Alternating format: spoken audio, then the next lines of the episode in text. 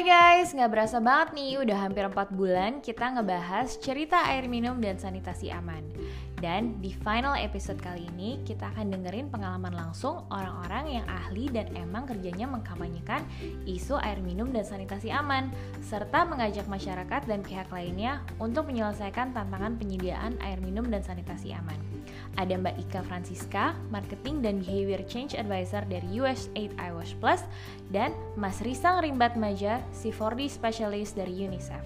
Mereka akan ceritain gimana cara mereka kampanye di masyarakat, persepsi dan perilaku masyarakat terhadap air minum dan sanitasi, dan juga tips untuk kita ngajakin pihak lain agar mau ikut beraksi bersama kita bareng-bareng menyelesaikan tantangan penyediaan akses air minum dan sanitasi. Oh ya, episode ini merupakan hasil kolaborasi Klinomik dengan Kementerian Perencanaan Pembangunan Nasional atau Bappenas sebagai bagian dari pre-event Konferensi Sanitasi dan Air Minum Nasional atau KSHN. Dan terima kasih juga untuk para media partners acara ini, ada Paprika Living, Saya Pilih Bumi, Air Kami, Life with Less, Sustainable Indonesia, Eco Events, US8 Hours Plus, dan Green Generation Foundations. Yuk, simak obrolannya! Oke, halo Mbak Ika dan Mas Risang. Makasih banget nih udah bergabung di Klinomik Radio. Ya, terima kasih Denia. Terima kasih um, Klinomik Radio sudah mengundang saya. Saya Ika, apa kabar semuanya? Um, apa nyebutnya nih pendengar ya, pemirsa, penggila Radio Klinomik. saya Ika, sekarang sedang bekerja di proyek salah satu proyeknya USET, USET iOS Plus. Sehari-hari kerjanya yang berurusan dengan promosi, marketing, yang gitu-gitu deh, yang dekat sama upaya-upaya bermitra dengan masyarakat gitu. Oke, okay. thank you Mbak Ika. Silakan Mas Risang. Baik, uh, salam kenal. Nama saya Risang Rimbat Maja, dipanggil Risang. Mungkin kalau yang agak merasa aneh dengan nama saya, ingat aja itu buah pisang, buah kedondong. P-nya pisang diganti jadi R dong. Mantap saya saya kerja di UNICEF uh, di bagian C4D atau Communication for Development. Oke, nanti kita akan bahas lebih lanjut ya mengenai iWash Plus dan UNICEF nih nanti. Uh, tapi mungkin sebagai diskusi awal, topik yang hari ini akan kita bahas kan masih seputar air minum dan sanitasi aman nih ya. Dan kalau ternyata uh, lihat data yang ada sekitar uh, 19,1 juta penduduk Indonesia atau 7% rumah tangga walaupun punya toilet tapi masih tetap nih menyalurkan buang air besarnya ke saluran air, kali, sungai dan lain-lain. Terus ada juga yang 16,7 juta jiwa buang air besar sembarangan secara terbuka. Uh, dan kemudian 7 dari 10 rumah tangga masih minum air dari sumber air minum yang terkontaminasi E. coli dan masih banyak lagi nih kalau lihat data-datanya nih ya. Nah, angka ini kan sebenarnya mengindikasikan uh, masih kurangnya pengetahuan, pemahaman uh, dan mungkin kesadaran masyarakat mengenai air minum dan sanitasi yang aman nih dan kaitannya terhadap kesehatan, produktivitas. Padahal air minum dan sanitasi kan sehari-hari banget nih. Nah, uh, gimana sih Mbak Ika dan Mas Risang melihat hal ini? Mungkin boleh dimulai dari Mbak Ika dulu. Oke, okay. terima kasih Denia. Jadi kalau menurut saya berdasarkan dari pengalaman dan um, apa yang saya amati ya di masyarakat, uh, baik di tempat saya bekerja maupun di lingkungan rumah saya, um, masih belum terlalu paham juga sebenarnya apa sih air minum dan sanitasi yang aman itu seperti apa gitu. Jadi kalau misalnya ditanya, orang akan bilang saya tahu apa sih kenapa sih harus ngomongin ini lagi gitu. Tapi yang sebenarnya seperti apa masih belum juga. Nah, saya mau ajak um, pemirsanya Radio Klenomik ya untuk cari tahu lebih dalam lagi tentang apa sih air minum dan sanitasi yang aman itu. Lalu kalau bicara soal tingkat akses dan kualitas air minum, uh, ini juga sebenarnya um, masih belum seperti uh, yang ditargetkan ya. Karena masih banyak tuh kalau bicara soal sanitasi rumah-rumah uh, yang kayak di kota terutama ya eh, WC-nya bagus, tapi salurannya masih langsung ke kali atau langsung ke got gitu. Jakarta juga banyak, bahkan rumahnya besar, nggak jauh lokasinya dari kantor DPR. Nah, kalau bicara di di soal air minum, nah itu nggak jauh beda juga sih. Seolah-olah udah oke, okay, tapi ternyata tidak. Mungkin itu dulu dari saya, Denia. Oke, okay. oke, okay, thank you Mbak Ika. Kalau dari Mas Risang gimana nih ceritanya? Iya, um, Mbak Denia itu ceritanya Mbak Ika itu betul ya. Jadi ada masalah pemahaman masyarakat yang kelihatannya kurang kurang kurang pas ya terkait dengan air dan sanitasi ya. Nah, tapi juga bisa ditarik lagi ke urusan norma juga nih. Jadi uh, kadang-kala iya pemahaman, tapi ada juga urusan norma. Norma itu ya gimana kita berhubungan sama satu sama lain ya. Ini saya kasih contoh aja ya. Um, kalau di Jakarta ya dulu waktu saya beli rumah pertama kali di Jakarta itu sekitar 15 tahun lalu kelihatannya. Itu saya dapat rumah kan di bukan di komplek gitu ya, tapi di perkampungan. Uh, karena dulu udah belajar tentang sanitasi, saya tanya tuh ke yang jual rumah, Pak, ini septic tanknya di mana? Wah, itu saya tunjukin. Nah itu dia septic tanknya di sana. Terus saya ukur dari sumur, Wah, saya langkah ah aman 15 meter wah kan gitu ya aman gitu ya hmm. nah udah tuh tinggal di situ nah setelah lama bertetangga ya sama ya sekitar gitu akhirnya kan bisa ngobrol-ngobrol juga saya tanya eh septic di mana posisinya pak oh tuh di situ terus saya perhatikan ya ampun jaraknya cuma 3 meter dari sumur saya tuh itu banyak terjadi di Jakarta tuh. Nah, artinya apa? Sebetulnya ya pemahaman, tapi juga kan sangat juga terkait sama perilaku atau pilihan orang lain ya.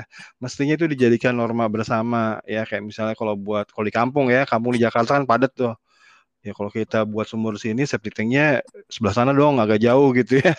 Jadi membuat supaya aman. Dan buat septic tanknya pun harus septic tank yang aman. Kalau di Jakarta kan septic tanknya ya gitu kita kalau kita tanya, "Beh, gimana? Septic tanknya bagus nggak? Wah, bagus bener nih. 30 tahun nggak pernah mampet. Kalau nggak pernah mampet, itu artinya apa?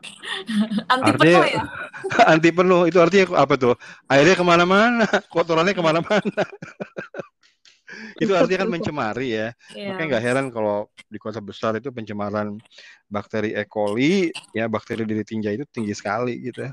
Nah ini kan uh, bukan hanya pengetahuan pemahaman masyarakat tapi gimana masyarakat itu mengatur diri sendirinya itu menjadi penting juga. Gitu. Oke, nah ini kan Mbak Ika sama Mas Risang termasuk um, orang-orang yang lumayan uh, dekat ya dengan isu air minum dan sanitasi gitu, karena mungkin memang pekerjaannya seputar isu-isu uh, ini gitu. Dari pengalaman kalian nih selama ini, kan tadi sebenarnya data juga ada menyebutkan ada dampak buruk terhadap kesehatan dan lingkungan. Kalau yang kalian pernah temui di lapangan tuh kayak gimana sih uh, Mbak Ika sama Mas Risang kayak seberapa jauh uh, dampak buruk yang yang memang uh, terjadi terhadap kesehatan akibat dari si akses air minum dan sanitasi yang yang kurang aman ini gitu. Boleh diceritain nggak mungkin dari Mbak Ika dulu? Iya, jadi kalau uh, dampak buruk terhadap uh, kesehatan sih yang paling kelihatan itu soal diare ya.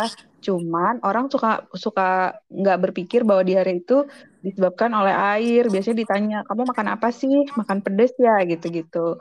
Nah, tapi uh, harus digarisbawahi ini, ini kan pengetahuan saya berdasarkan literatur dan uh, dari kenyataan yang saya hadapi sendiri ya.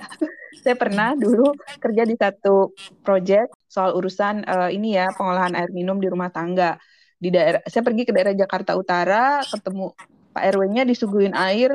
Sebenarnya saya nggak ingin minum gitu. Um, karena mohon maaf uh, aromanya kurang gimana gitu ya. Hmm. dan bener uh, karena nggak enak saya minum.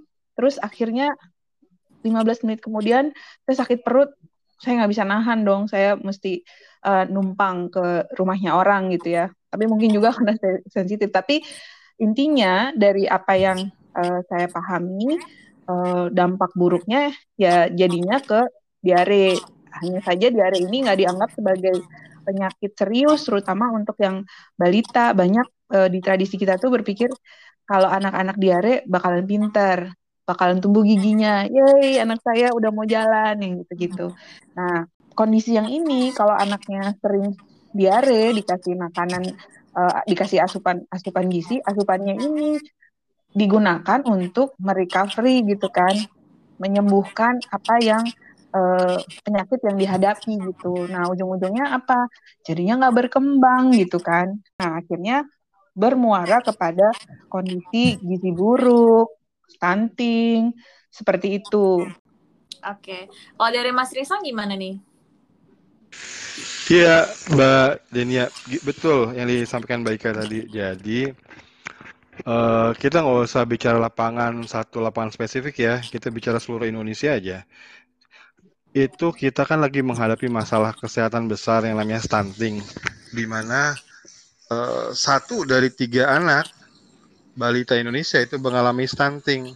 Stunting itu sebetulnya masalah gizi dalam jangka waktu yang panjang. Nah, apakah masalah gizi itu terjadi karena ibunya ngasih makan uh, bayinya itu kurang? Bisa iya satu, tetapi yang tidak kalah penting faktornya adalah di mana ibu udah ngasih makan, eh makannya keluar lagi karena diare. Jadi masukin empat, keluar lima, ekor. Dan lama-lama kalau terjadi kayak gitu ya stunting. Nah akibat stunting kita bicara masalah besar sekali ya dalam jangka panjang di mana si anak nanti kalau udah gede itu otaknya tidak berkembang optimal.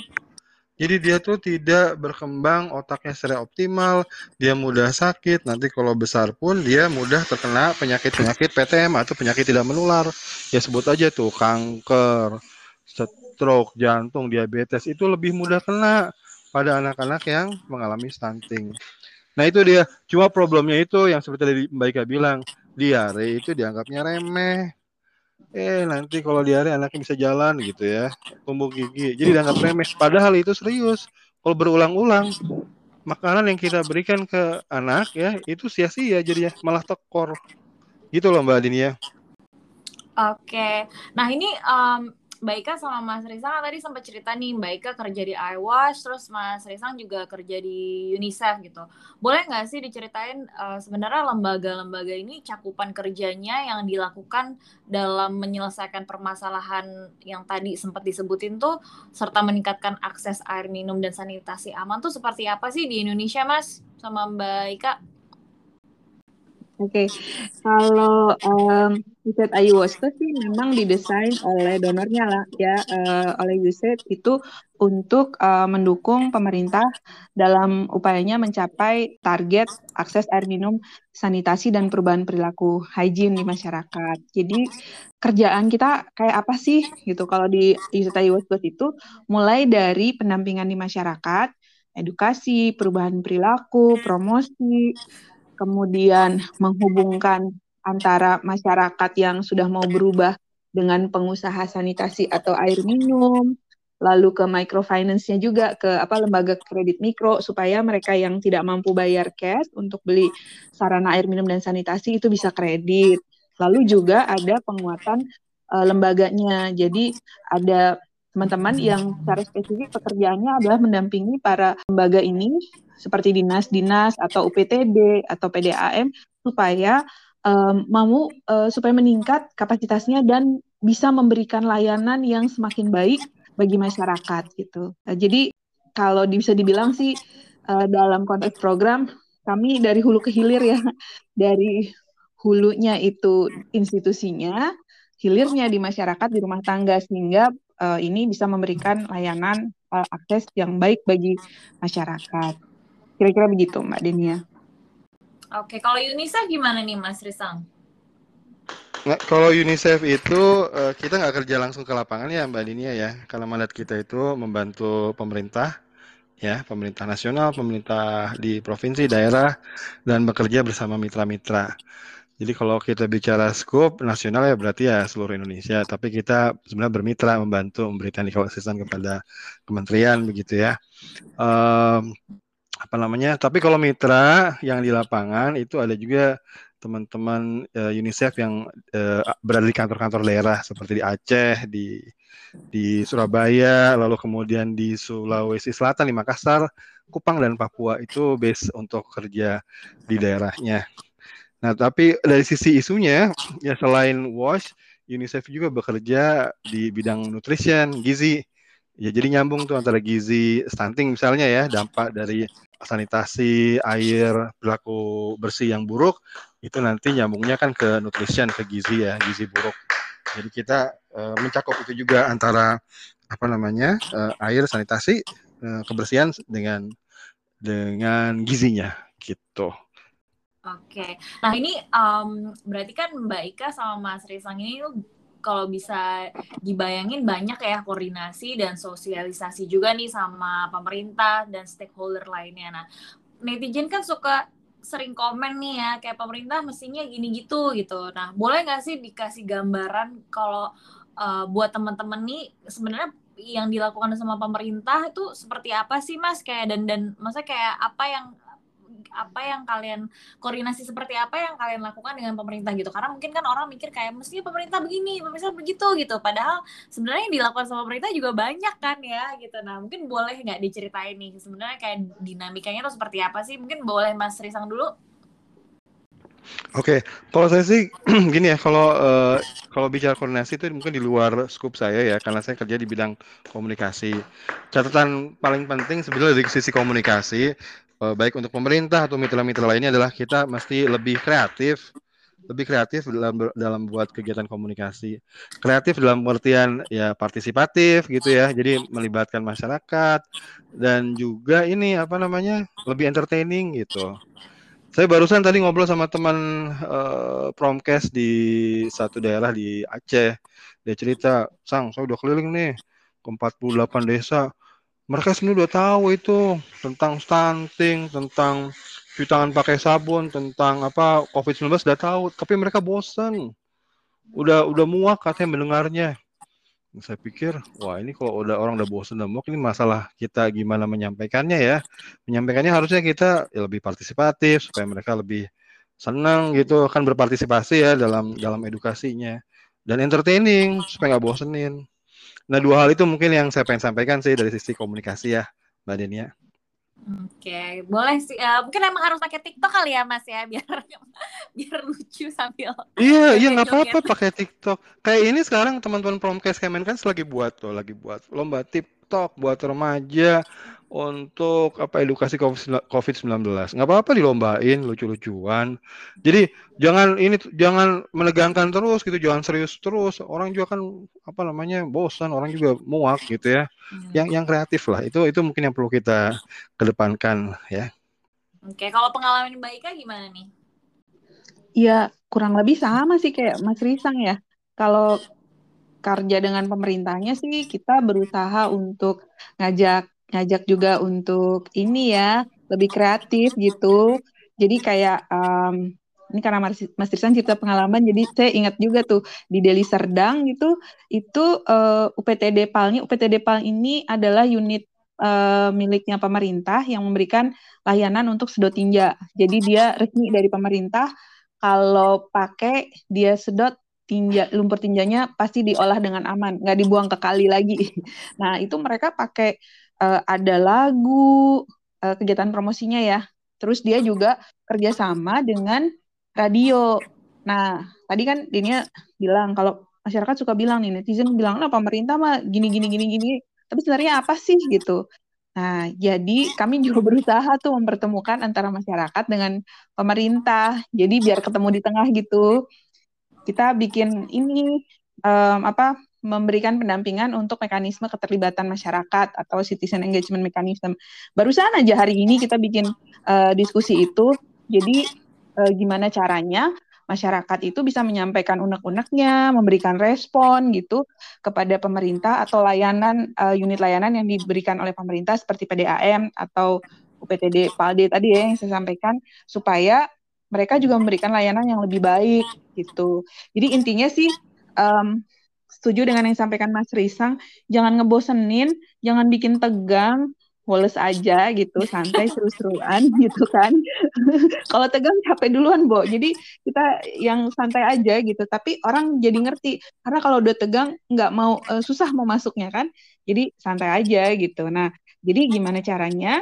Dengan cara yang uh, menyenangkan, itu bisa menyampaikan uh, maksudnya kepada pemerintah. Lalu pemerintah juga kita uh, ajak untuk jangan ini deh, jangan baper gitu. Ingat, ini kan nanti kalau dapat input gini berarti bisa kasih layanan yang lebih baik gitu. Nah, itu yang yang kami usaha sedang usahakan saat ini. Jadi kita juga lagi narik-narik Kemenpan RB dan uh, Kemenkominfo untuk terlibat juga untuk bantu promosiin soal air minum, sanitasi dan perubahan perilaku. Begitu. Nah, um, Baika sama Mas Risang pernah nggak sih ada pengalaman yang paling memorable banget nih selama uh, berproses dan mengkomunikasikan pesan-pesan ini ke masyarakat gitu kayak misalnya nih kayak kemarin kita sempat interview sama ibu dari PDP Malang gitu uh, beliau cerita waktu pertama kali ngasih akses air ke sana terus pasang toilet orang tuh karena toiletnya air toiletnya bersih tuh air toiletnya diambil buat buat minum gitu padahal air toilet jadi harus dikomunikasikan terus menerus sampai akhirnya uh, mereka paham gitu bahwa itu adalah air untuk toilet. Nah, kalau kalau dari Mbak Ika sama Mas Risang ada nggak sih cerita-cerita yang memorable nih ketika dalam mengkomunikasikan eh, isu-isu uh, air minum dan sanitasi ke masyarakat? Gitu. Mungkin Mbak Ika dulu boleh? Uh, banyak ya. itu juga itu juga sesuatu banget tuh kayak ceritanya ibu dari uh, PDAM Malang ya. Gini, uh, waktu dulu kita mempromosikan soal um, air minum ya. Jadi kalau ditanya orang-orang itu ini sebenarnya sama Srisang juga dulu. Kalau kita tanya sama sama warga, sama masyarakat, mereka pasti bilang air airnya itu direbus gitu. Tapi ternyata enggak loh, dia itu ngambil dari gentong. Jadi air itu ditaruh di gentong, diendekin sama satu malam gitu, besokannya dia langsung minum. Itu terjadi di Jakarta ada, di saya ada. Nah, tapi mungkin kalau bicara komunikasi uh, apa yang kita mau sampaikan didapatnya apa mungkin uh, banyak banget ya tapi saya mau cerita dikit tentang pengalaman teman-teman saya tuh jadi waktu kami bikin studi formatif teman-teman itu menginap selama 30 jam di rumah warga masyarakat yang tidak mampu khususnya jadi itu banyak loh yang di dapurnya itu ada lubang gitu jadi dia nggak punya WC di sebelah tempat cucian piring itu ada lubang tempat mereka uh, eh, BAB. Jadi teman saya itu kan nggak bisa ya mau pipis di situ atau BAB di situ.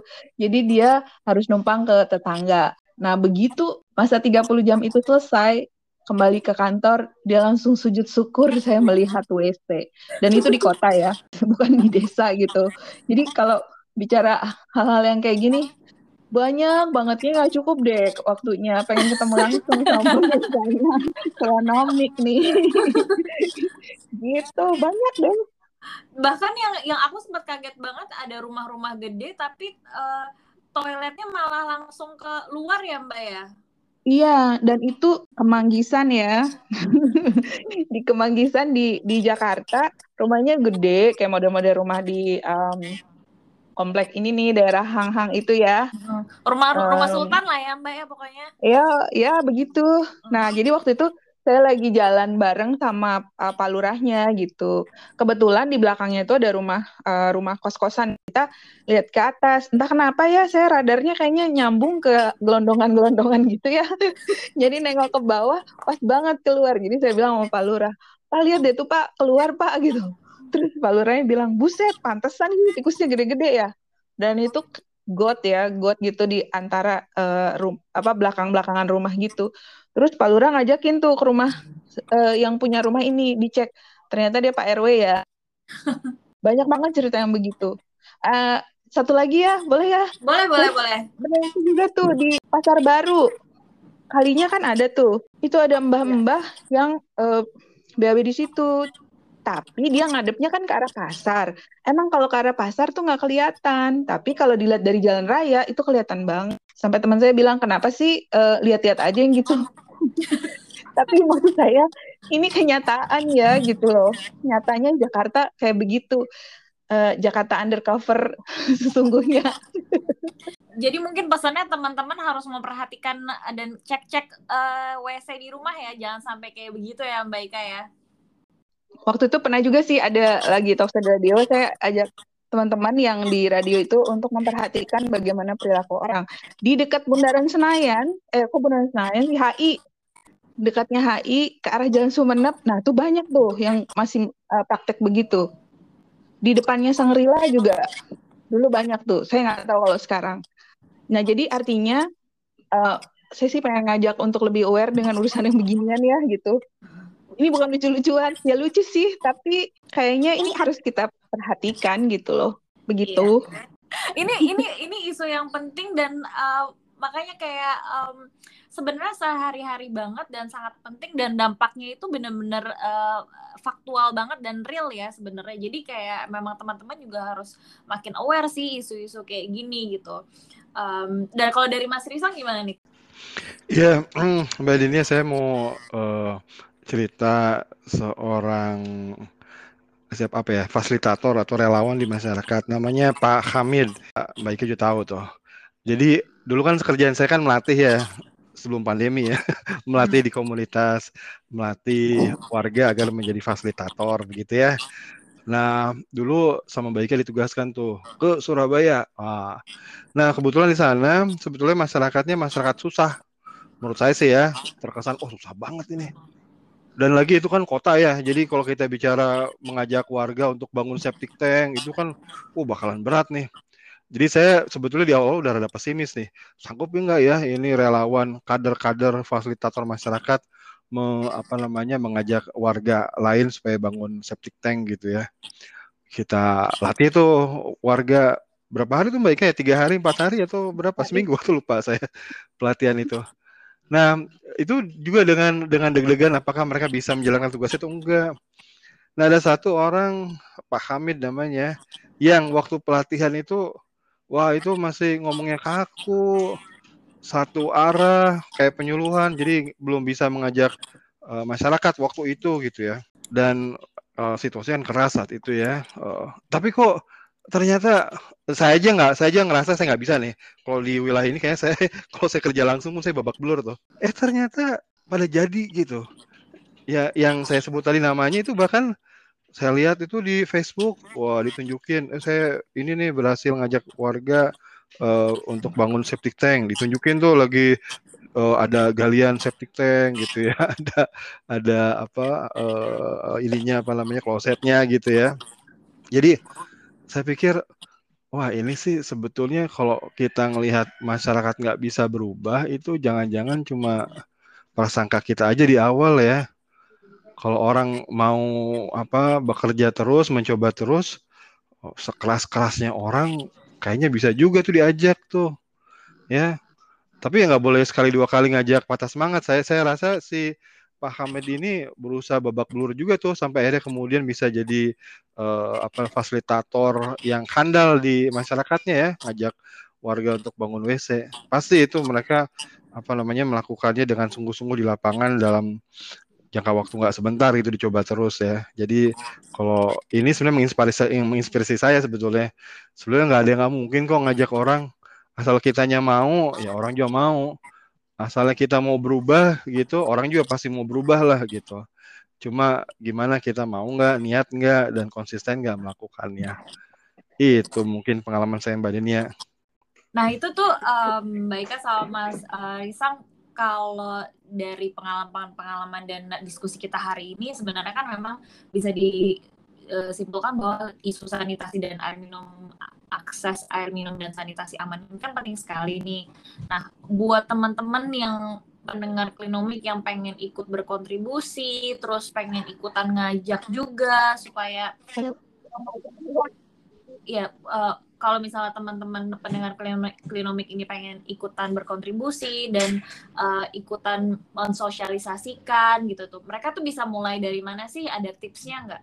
Apa yang kira-kira bisa dilakukan oleh teman-teman untuk membantu uh, mensosialisasikan juga dan dan menyelesaikan lah sedikit banyak misalnya berkontribusi uh, atas isu sanitasi dan air minum ini. Dari Mbak Ika dulu silakan. Ya, kalau saya sih kayak ini ya salah satu uh, jargonnya uh, toko TM gitu. Itu kan mulai aja dulu dari diri sendiri gitu.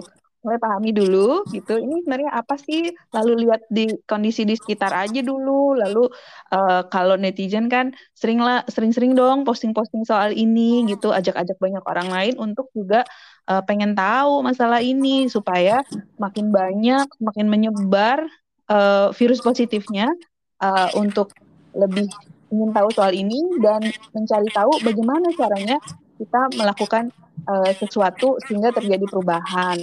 Lalu uh, yang perlu digarisbawahi sih nggak usah berpikir keras, yang gampang aja, yang simpel-simpel aja, yang bisa kita lakukan. Misalnya nih, kalau kita tinggal di satu lingkungan kan, atau misalnya yang tinggal di kos-kosan pun nggak apa-apa, tetangga kamar kan juga bisa tuh uh, bisa ngobrol, nggak usah ngajarin langsung gitu, bisa ngobrol-ngobrol aja dulu gitu. Lalu kalau yang tinggal di rumah tangga kan bisa jadi tetangga ini. Kalau kami sih karena kita bikin materi promosi ya, kita nyebutnya tetangga panutan gitu. Jadi maksudnya uh, cerita-cerita lah dengan tetangga, ngajak-ngajak tetangga untuk um, melakukan sesuatu perubahan yang positif. Misalnya uh, cek-cek dong, itu WC-nya salurannya ke mana? Ke got apa ke mana kalau ada tampungannya udah pernah disedot belum? gitu. Jadi kalau saya sih gitu sih mulai aja dulu mulai dengan hal yang simple yang sederhana yang asik yang bisa kita lakukan dari diri kita sendiri. Oke pokoknya intinya harus ingat uh, septic tank anti penuh itu hoax ya nggak ada itu. Betul betul. Kalau kalau nggak penuh-penuh kudu curiga. Iya Oke, gimana nih kalau dari Mas Risang? Kan ahli komunikasi nih dan dan kerjanya memang berkomunikasi juga nih. Kalau kalau kalau boleh kasih tips gimana nih, Mas? Iya, iya, iya tadi benar tuh Mbak Ika bilang. Jadi mulainya dari uh, lingkungan terdekat ya, ngajakin orang cuci tangan pakai sabun, ya. Cuci tangan sih udah tinggal pakai sabunnya aja itu jadi masalah di Indonesia ya. Terus, iya, terus ini apa namanya septic tank supaya dikuras gitu. Apa namanya air minum kalau misalnya dia minumnya direbus rebusnya harus sampai mendidih dan waktu mendidih jangan langsung dimatikan tapi tunggu dulu satu menit gitu supaya kumannya benar-benar mati. Jadi mulai dari sekitar dulu tapi caranya nggak usah menggurui indirect kita bilang ya. Sambil ngobrol sambil santai sambil bercanda begitu ya. Supaya orang juga nggak ngerasa nggak ngerasa didikte atau diguruin. Terus nanti kalau sebagai komunikator sebenarnya gini teman-teman. Kalau misalnya teman-teman itu pengen ngajak orang terus berharap orang itu berubah takutnya frustasi ya. Eh nggak berubah. Eh ditolak saya. Eh malah diomongin saya. Kan jadi itu baper, jadi down baper. tuh. Maaf baper. Makanya jangan gitu. Jadi niatnya ini kembali ke niat ya. Niat kita kalau ngobrolin hal-hal seperti ini itu niat ngobrol sebagai teman aja ya cari teman uh, mengakrabkan diri gitu. Jadi nggak usah terlalu baper. Misalnya rumah nih tetangga kita nggak kenal nggak begitu kenal nih orangnya nih. Tapi lihat tuh kayak pas kita lihat tuh seperti mereka tadi oh ada ada paralon paralonnya keluar ke got eh keluar itu. Apa namanya benda-benda kuning itu keluar dari situ. Ah berarti kan dia kan wah ini rumah gede tapi apa uh, tinjanya dikeluarin ke ke apa ke ke God misalnya. Nah kita datang ke mereka nggak usah ngajarin nanti orangnya marah gitu. Tapi ngobrol aja, berkenalan, cari tahu, mengakrabkan diri, cari apa tali pertalian gitu. Siapa tahu kan, siapa tahu misalnya eh ternyata kita satu SMA cuma angkatan berbeda begitu. Kan jadi enak ngobrolnya tuh. Nah, kalau udah kayak gitu baru mulai pelan-pelan ngobrolin juga tuh tentang sanitasi, higienitas dan sebagainya. Pokoknya dianggap sebagai ini aja apa upaya untuk menambah temen aja supaya nggak stres. oh itu tips yang oke banget ya. Jadi misalnya ngajak naik sepeda bareng yuk bro, tapi nanti pas lagi ngopi-ngopi sambil masukin tuh isu-isu sanitasi dan air minum ya mas ya. Betul betul, iya. Jadi menjadi edukator sekarang itu jangan kayak jadi hero di masyarakat berdiri di, di apa terus bicara seperti penceramah nggak kayak gitu gitu. Nanti kalau gitu kita nanti di, dicuekin sama orang dan kita jadi baper sedih gitu. Ya, ya itu ya jadi jadi teman-teman main aja yang lebih akrab gitu lah Oke. Nah, kalau misalnya bisa memberikan uh, pesan nih kepada uh, stakeholder, kalau tadi kan pesannya untuk para netizen nih, kalau harapan-harapan nih um, untuk ke pemerintah pusat daerah atau mitra pembangunan LSM dan lain-lain mengenai aksi pencapaian target air minum dan sanitasi aman apa nih Mbak uh, Risang sama Mbak Ika? Mungkin dari Mbak Ika dulu deh. Uh, kalau saya secara pribadi sih um, karena saya itu sih ya kayak Mas Risang tadi seperti saya bilang tadi nggak usah terlalu yang ini, saya nih ini aku gitu jadi kalau saya sih walaupun uh, pemerintah pemerintah pusat, menurut saya juga uh, saya berharap sih uh, lebih memperhatikan uh, urusan bagaimana mengkomunikasikannya, apakah itu mengkomunikasikan ke pemerintah daerah maupun juga ke uh, masyarakat luas ya gitu. Jadi um, nggak ya kalau dibilang top down sekarang juga semuanya kan ngakunya nggak top down ya, semuanya adalah kemitraan gitu bermitra dengan daerah dan sebagainya. Tapi kalau boleh mengusulkan kalau untuk pemerintah yaitu tadi uh, boleh nggak agak turun sedikit gitu? Apa namanya um, benar-benar yang bergandengan tangan gitu. Ujung-ujungnya juga untuk uh, servis ke masyarakat kan sebenarnya gitu. Dan lebih memperhatikan juga cara komunikasi. Ini ini mohon maaf ya saya tuh uh, terus terang tuh kepikiran kok di negara kita untuk urusan air minum sanitasi itu kita belum punya satu pesan payungnya gitu loh. Jadi kayak ada program-program maupun pemerintah kalau bikin materi promosi atau komunikasi itu kayak masing-masing bikin aja sendiri gitu. Jadi orang juga pada kebingungan gitu. Itu itu sih satu. Yang kedua sih kalau buat teman-teman mitra ini mohon maaf ya karena saya juga adalah melihat tadi yang seperti yang Mas Risang sampaikan masih ada tuh yang saya kan ini edukator gitu. Kamu harus mendengar saya gitu. Nah yuk kita mulai dari sekarang lebih ke lebih tone down kita modelnya bareng-bareng gitu. Kita ngajakin masyarakat yang mau kita jelasin juga sebagai mitra gitu. Karena kalau udah begitu, ya tadi yang desain Mas Risang tuh kayak Pak Kamit ya di Surabaya, proyeknya udah selesai sampai sekarang dia masih jalan aja, masih promosi aja udah udah lebih dari enam tahun tuh dia masih masih jalan terus gitu. Nah jadi uh, dengan mengajak, dengan kita memposisikan diri kita sama, itu semakin banyak tuh orang-orang yang um, menjadi mitra kita. Jadi jejak langkah kita tetap ada dan berkelanjutan. Kalau boleh mau ajak seperti itu. Oke. Okay. Kalau dari Mas Rizang? Iya, uh, saya sih temanya sama sama Mbak Ika tuh, gandengan ya, gandeng tangan, kerja bareng ya. Jadi kalau kita kerja sendiri itu ya lonely lah gitu. Jadi ngerasa apa namanya, kalau ada ketemu tantangan jadi cepat down gitu. Itu kan yang harus kita hindari ya. Jadi uh, untuk pemerintah, untuk mitra pembangunan, LSM, komunitas, masyarakat, bareng-bareng aja gitu. Kita saling belajar, uh, saling sharing juga. Jadi kalau misalnya ada satu LSM punya metode yang bagus gitu ya, sharing ke pemerintah, ke masyarakat, atau kalau masyarakat, anggota masyarakat yang wah saya punya teknik atau cara yang bagus, itu di-share juga gitu ke pemerintah, ke teman-teman LSM dan mereka kita semua harus mau saling belajar gitu ya. Nah, dengan begitu kan jadi kerja bareng tuh lebih semangat. Ya, dan jangan fanatik. Oh, ini punya saya, ini yang satu yang benar, model yang kayak gini itu salah, itu kayak gitu harus dihindari lah sekarang. Kita harus bisa belajar dari semua pihak sekarang ini lebih terbuka supaya hasilnya juga lebih lebih ini lebih bagus lagi ya ya bagus. Nggak bagus kalau bareng-bareng biasa nggak kerasa kok. Seneng soalnya. Terima kasih Mbak. pokoknya pesannya hari ini adalah uh, komunikasi tetap harus jalan terus tapi di bawah santai nggak boleh baper dan kita uh, harus sama-sama karena ini sama, masalah bareng-bareng juga ya Mbak Ika sama Mas Risang iya betul. Betul banget betul. Nggak bisa sendirian lah semua semua orangnya nggak bisa sendirian. Kudu bareng-bareng.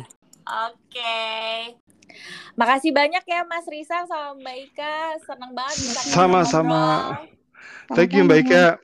Thank, you Mas Risa. Mudah-mudahan bisa ketemu ya. langsung ya kita lanci-lanci brunch-brunch.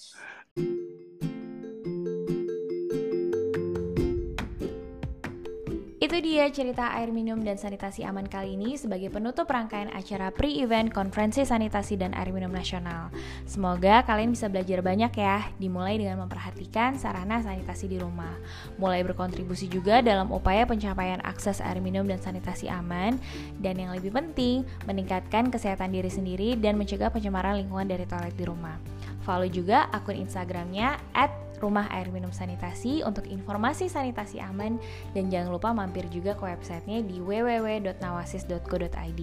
Kamu bisa juga pelajari lebih lanjut konten seputar air minum dan sanitasi aman yang udah kita tayangkan selama 4 bulan ke belakang dari mulai IG Live, podcast episode yang lain, serta konten tematik yang semua ada di fitnya Klinomik dan akun Rumah Air Minum dan Sanitasi. Pantengin juga nanti KSAN ya, karena KSAN ini merupakan bagian komitmen nasional terhadap pencapaian akses air minum dan sanitasi aman. Sekali lagi, makasih banyak untuk para media partners, Paprika Living, Saya Pilih Bumi, Air Kami, Life with Less, Sustainable Indonesia, Eco Events, US8 iWash Plus, dan Green Ration Foundations. Sampai ketemu di campaign seru berikutnya ya!